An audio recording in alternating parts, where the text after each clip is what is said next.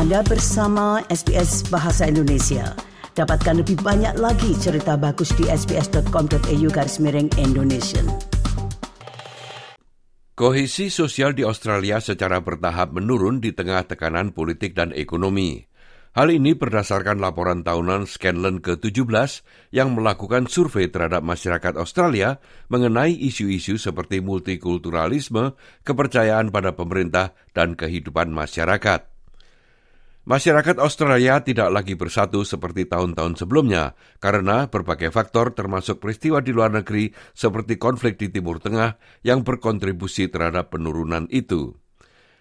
Berikut ini sebuah laporan tentang hal tersebut yang disusun oleh Omoh Belo untuk SBS News. Kepercayaan Australia terhadap kohesi sosial mungkin akan berubah seiring dengan penurunan yang dilaporkan di beberapa bidang.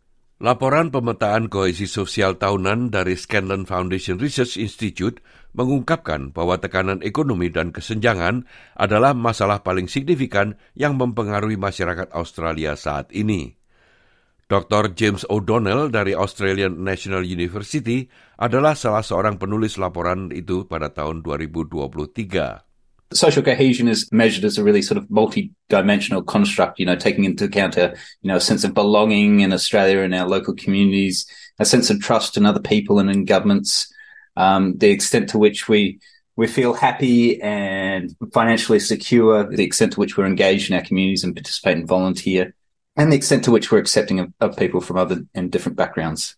Social cohesion has been declining on several different dimensions. So we're reporting that we feel a weaker sense of belonging in Australia. We're more likely to be experiencing financial stress. We're more concerned about economic inequality, uh, and we're less trusting of government.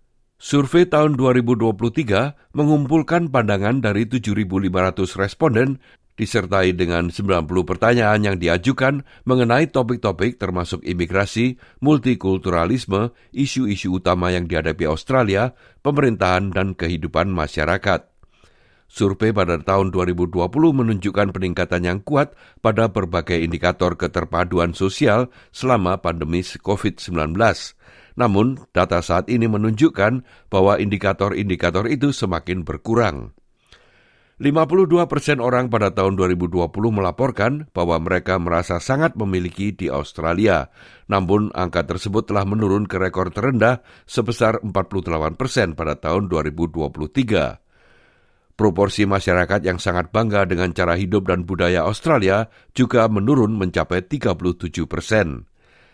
Sebanyak 84 persen masyarakat percaya bahwa kesenjangan antara mereka yang berpendapatan tinggi dan rendah kini terlalu besar. Ketua Dewan Federasi Komunitas Etnis Australia, Carlo Carli, mengatakan perdebatan yang memanas dan sensitif secara politik mengenai masalah lokal dan internasional serta tekanan keuangan baru-baru ini telah menghambat kohesi sosial di negara ini. Social cohesion is an area which Australia has invested a lot of effort, and the whole multicultural project is about improving social cohesion. It does fluctuate at times, and I think at the moment we've got a number of stresses on our social cohesion. We've had a very difficult debate around the um, the referendum on the voice to parliament. We have had um, a drop in the finances of Australian households. Uh, in fact, a very dramatic drop because of everything from high inflation to low wage increases to high interest rates. And finally, we have the conflict in the Middle East, which is also creating um, difficulties.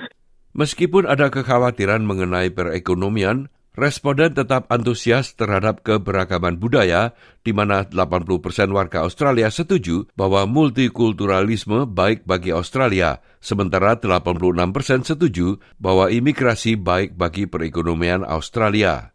Hal itu juga menunjukkan bahwa 80 persen merasa diterima di lingkungan mereka dan 64 persen mengatakan bahwa lingkungan mereka memiliki rasa kebersamaan yang kuat. Namun persepsi ini berbeda-beda tergantung pada siapa Anda berbicara dan apa yang terjadi secara politik di Australia dan internasional. Komunitas Yahudi dan Muslim adalah contohnya. Sejak dimulainya perang Israel Hamas di Gaza pada 7 Oktober yang lalu, polisi mencatat peningkatan jumlah insiden anti-Muslim dan anti-Semit. Devir Abraf Mafid adalah Ketua Komisi Anti Pencemaran Nama Baik di Australia. Ia mengatakan tingkat antisemitisme meningkat sejak dimulainya perang. Many of us are feeling under siege and on edge because we are seeing people who we thought were our friends and allies actually turning their back on us, uh, walking away. Because when you have young Jewish students at schools being called bombers, being surrounded and accused of being uh, baby killers, uh, when you have people on the street being verbally abused, when you have Jewish businesses boycotted, it is alarming. And uh, the Jewish community that has always been a full participant in Australian society and has worked hard to nurture tolerance and cohesion and harmony, uh, we do feel that uh, this is a real threat. Sementara itu, Kamal Debausi, Ketua Eksekutif Federasi Dewan Islam Australia mengatakan, memanasnya konflik di Timur Tengah dirasakan oleh semua pihak. We need to recognise that there are Islamophobic attacks that are happening, um, and there are an increase of Islamophobic attacks that are taking place. I think Islamophobic register registers a tenfold increase. Certainly, where I'm at here and at and in the city of Sydney, our centre has received an increase of hate calls. We've chosen not to publicise them too much because we're not wanting to make increased concerns within the community. Meskipun dukungan terhadap multikulturalisme dan imigrasi tetap tinggi selama dekade terakhir, diskriminasi dan prasangka masih sering terjadi pada tahun 2023. 18 persen orang mengatakan mereka mengalami diskriminasi dalam 12 bulan terakhir karena warna kulit, asal etnis atau agama. Jumlah ini meningkat dari 16 persen pada tahun 2022.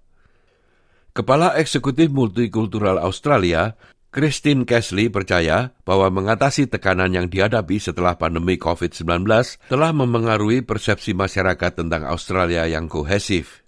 So what we really need to do as a country, I think, is work on building that resilience, work on those um, strengths that we all need to have in terms of being able to reach out, connect, communicate with each other, learn how to straddle differences and learn how to come together with our different histories and stories and experiences. There's a real piece here for us actually and an opportunity for us to create true belonging in Australia. Ketika tekanan keuangan meningkat, proporsi masyarakat yang puas dengan keuangan mereka menurun menjadi 61 persen pada tahun 2023, turun dari 64 persen tahun lalu. 12 persen responden pada tahun 2023 melaporkan bahwa mereka sering atau kadang-kadang hidup tanpa makanan, dan 22 persen sering atau kadang-kadang tidak mampu membayar obat-obatan atau layanan kesehatan. Dr. James O'Donnell mengatakan penting untuk segera mengatasi masalah ini. The first is obviously around helping households help in their finances and ensuring that people are able to make ends meet. When they when they can't make ends meet or when they are really struggling, they have a much lower sense of belonging and trust in Australia. They're much less accepting of of our diversity and our differences. And it's that strain of financial pressure that is really important to to address or at least sort of manage through this next little period. Pandangan bahwa Australia adalah negara yang penuh peluang perlahan-lahan mulai pudar, di mana 63 persen setuju dengan gagasan tersebut pada tahun 2023, turun 16 poin persentase dari satu dekade yang lalu. Demikianlah tadi sebuah laporan mengenai hasil survei kohesi sosial di Australia yang disusun oleh Omo Bello untuk SBS News dan disampaikan oleh Riki Kusumo. Anda ingin mendengar cerita-cerita seperti ini? Dengarkan di Apple Podcast, Google Podcast, Spotify, atau di mana pun Anda mendapatkan podcast Anda.